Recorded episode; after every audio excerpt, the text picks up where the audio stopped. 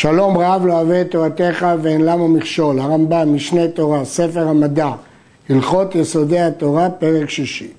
כל המאבד שם מן השמות הקדושים, הטהורים, שנקרא בהם הקדוש ברוך הוא, לוקה מן התורה. שהרי הוא אומר בעבודה זרה, ואיבדתם את שמה מן המקום ההוא, לא תעשון כן להשם אלוהיכם. המקור הוא גמרא במסכת מכות, המוחק את השם לוקה ועזרתם נאחה, לא תעשו כן להשם אלוהיכם. המושג אה, מעבד הוא, אם זה על נייר או על כלב, זה מחיקה, אבל אם זה על כלי מתכות, אה, זה עיבוד. הביטוי הקדושים והטהורים בנוי על הגמרא בנידה, מי שהוא טהור וקדוש ומשרתיו טהורים וקדושים. יש להעיר שהביטוי לוקה מן התורה הוא ביטוי חריג, בדרך כלל הוא כותב לוקה, כאן הוא כותב הרמב"ם לוקה מן התורה. ושבעה שמות הם, השם הנכתב י' ה' ו' ה' והוא השם המפורש, הביטוי שנכתב הוא מפני שהוא לא נקרא כשם שהוא נכתב. אם כן, י' כ' ו' כ' הוא השם המפורש. מדוע הוא נקרא מפורש? הרמב"ם במורה אומר, כל שמותיו יתעלה, כולם נגזרים מן הפעולות. זולתי שם אחד, והוא י' כ' ו' כ', שהוא שם מיוחד לא יתעלה, לפיכך נקרא שם המפורש. עניינו שהוא מורה על עצמו יתעלה הוראה ברורה שאין בה שיתוף. אבל שאר שמותיו הקודשים מורים שיתוף, מפני שהם נגזרים מפעולות יימצא לנו כמותם. כלומר, כל שאר השמות הם קשורים למושגים אנושיים, חוץ מי' כ' ו' כ', שאין בו שום שיתוף. ולכן גם לא, מח... לא אומרים אותו, אלא מכנים אותו. או הנכתב א', ד', נ', י', שניהם נמנים כאחד. השם הנכתב י' כ' ו' כ', או הנכתב א', ד', נ', י'. ואל, ואלוה, ואלוהים, ואהיה, ושדי וצבאות. כל המוחק אפילו אות אחת משבעה שמות אלו לוקה. המקור של זה מברייתא במסכת שבועות, ל"ד עמוד א', אמנם יש שם אה, שמות, אה, גרסאות שונים, אבל זאת הגרסה של הרמב"ם. כל הנטפל לשם מלפניו מותר למוחקו. כל עוד שהתפלה לו מלפניו, מותר למוחקו. כגון למד מילה השם ובית מבאלוהים וכיוצא בהם. אינן בקדושת השם, הם לא חלק מקדושת השם כי הם נטפלים מלפניו. וכל הנטפל לשם מאחוריו, כגון קו של אלוהיך כף מ' של אלוהיכם וכיוצא בהם, אינם נמחקים, והרי הם כשאר אותיות של השם, שהשם מקדשם. ואף על פי שנתקדשו ואסור למוחקם, המוחק אלו האותיות הנטפלות אינו לוקח, אבל מוקים אותו מכת מרדות. כלומר, לגבי מלקות רק על השם עצמו, אבל לגבי האיסור, גם האותיות שאחריו כבר קידשו השם, השם מקדשם, הם חלק מהתיבה שכולה קודש. אבל האותיות שלפני הם עוד לא התקדשו, כי הוא עוד לא כתב את שם השם. המקור של זה ברייתא במסכת שבועות. כתב א' ל' מאלוהים, י' כ' מהשם, אינו נמחק. ואין צריך לומר יא, שהוא שם בפני עצמו, מפני שזה השם מקצת שם המפורש. אבל הכותב ש"ד משדי צדי ב מצבאות, הרי זה נמחק. כלומר יש להבדיל בין א' נ"ל שמייצרות את השם אל שהוא לא נמחק, אז למרות שכוונתו לא הייתה לכתוב אל, אלא לכתב אלוקים, והוא כתב קיצור, אבל סוף סוף השם אל בעצמו הוא עצמאי. השם יא נמצא במקרא, אבל הוא לא מופיע כשם עצמאי, אבל הוא מעין כינוי לשם המפורש. ולכן גם אותו אסור למחוק. שאר הכינויים שמשבחים בהם הקדוש ברוך הוא, כגון חנון ורחום, הגדול, הגיבור, הנורא, הנאמן, קנה וחזק וכיוצא בהם, הרי הם כשאר דברי הקודש ומותר למוחקם. המקור של זה גמרא במסכת שבועות. כלי שהיה שם כתוב עליו, כלומר השם לא כתוב על קלף או על נייר אלא על כלי, קוצץ את מקום השם וגונזו. אפילו היה השם חקוק בכלי מתכות או בכלי זכוכית והתיך הכלי, הרי זה לא כן, גם זה נקרא מאבד שם, אלא חותך את מקומו וגונזו.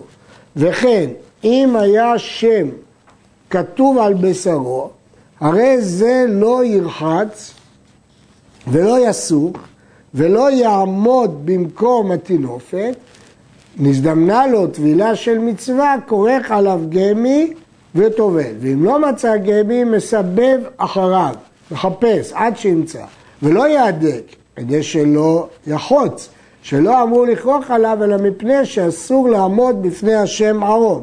ולכן, למרות שזה לא מהודק, הוא כבר לא נקרא ערום. אז למה שלא יכסה את זה ביד? הגמרא אומרת כי יש חשש שהוא ישכח ויוציא את זה. ולכן מהדרינן מסבב אחריו כדי לכסות את הדבר. הביטוי היה השם חקוק בכלי מתכות או בכלי זכוכית, לא ברור מה המקור של הרמב"ם לדבר זה. הסותר אפילו אבן אחת, דרך השחתה מן המזבח או מן ההיכל או משאר האזהרה, לוקה. כלומר, לא לתקן, אלא כדי להרוס. שנאמר בעבודה זרה כי את מזבחותם תיטוצו, וכתוב לא תעשו כן להשם אלוהיכם. וכן השורף עצי הקדש דרך השחתה לוקה, שנאמר ואשריהם תשרפון באש, לא תעשו כן להשם אלוהיכם. אז אם כן, הביטויים הללו לשרוף דרך השחתה את עצי הקדש אסורים. מה זה ההקדש הזה? הרמב"ם כתב בתשובה, עצים שהם הקדש לבדק הבית. בין שהגזברים קנו אותם, בין שהעצים מוכנים לזה, אם הם מוכנים לבדק הבית, אסור לשרוף אותם. כמובן שאם זה עצים שהוקדשו להעסקה, ודאי שמותר לשרוף אותם. כתבי הקודש כולם, עכשיו לא מדברים על השמות, אלא על כתבי הקודש, ופירושיהם ובאירועיהם, בין הפירוש ובין הביאור של המילים, אסור לשרוף אותם או לאבדם ביד. אמנם לא לוקים על זה מהתורה כמו על כתבי הקודש, אבל יש איסור. והמאבד ביד לוקה מכת מרדות. במה דברים אמורים? בכתבי הקודש שכתבו אותם ישראל בקדושה. כלומר שדעתו על הקדושה שלהם. אבל מין ישראלי שכתב ספר תורה, שורפים אותו עם האזכרות שבו, מפני שאינו מאמין בקדושת השם, ולא כתבו אליו הוא מעלה בדעתו שזה כשאר הדברים. הואיל ודעתו כן, לא נתקדש השם. אז לכן מותר לשרפו. הרמב"ם מוסיף, לא רק שמותר, מצווה לשרפו, כדי שלא להניח שם למינים ולא למעשה. אז אם כן, זה לא נכתב בקדושת ספר תורה, כי הוא לא התקדש לשם ספר תורה. שנית, הגוי הזה לא מתכוון לזהות את אדון העולם, ריבון העולם, זה לא מעניין אותו כל הדברים הללו. ושלישית, אנחנו לא רוצים להשאיר שארית למינים. אבל גוי שכתב את השם, גונזים אותו. לעומת זאת, גוי שכתב, טעון גניזה. וכן כתבי הקודש שבלו או שכתבן גוי, ייגזו. טעונים גניזה, אם אה, נקראו או נבלו, איך גניזה? נותנים אותו בכלי חרס וקוברים אותו אצל תלמיד חכמים, זוהי גניזתו, כך כותב הרמב"ם בהלכות ספר תורה. כל השמות האמורים באברהם, קודש. אף זה שנאמר, אדוני, אם נא מצאתי חן בעיניך, הרי הוא קודש. כל השמות האמורים בלוט, חול. חוץ מזה, ענה אדוני, הננה מצא עבדך חן. כל השמות האמורות בגבעת בנימין, קודש. כל השמות האמורות במיכה, חול. כל השמות האמורות בנבות, קודש. הגמרא הזאת היא גמרא במסכת שבועות. מחלוקת לגבי אדוני אם נא מצאתי חן, האם אברהם מדבר מלשון אדונים או להשם, והלכה כרבי אליעזר המודעי שאמר גם זה קודש, שאברהם פנה לשכינה להמתין לו עד שיקבל את האורחים. בלוט כולם חול, חוץ מהנה נא מצא עבדך חן בעיניך להחיות את נפשי. מי שיש בידו להחיות ולהמית זה רק הקדוש ברוך הוא, אז ודאי שזה קודש. במכרע זה בספר שופטים, בנבות, בספר מלכים. כל שלמה האמור בשיר השירים קודש, והרי הוא כשאר הכינויים. הגדול, הגיבור והנורא, כי הכוונה למלך שהשלום שלו. חוץ מזה, האלף לך שלמה, שזה חול. כל מלכיה האמור בדניאל, חול. חוץ מזה, את מלכה מלך מלכיה. והרי הוא כשאר כינויים. שם כתוב, את מלכה מלך מלכיה דילהה דשמיא מלכותה חוסתה ותוקפה ויקרא יהיב לך. אז לומדים שזה קודש, דרגתו ככינוי. עד כאן.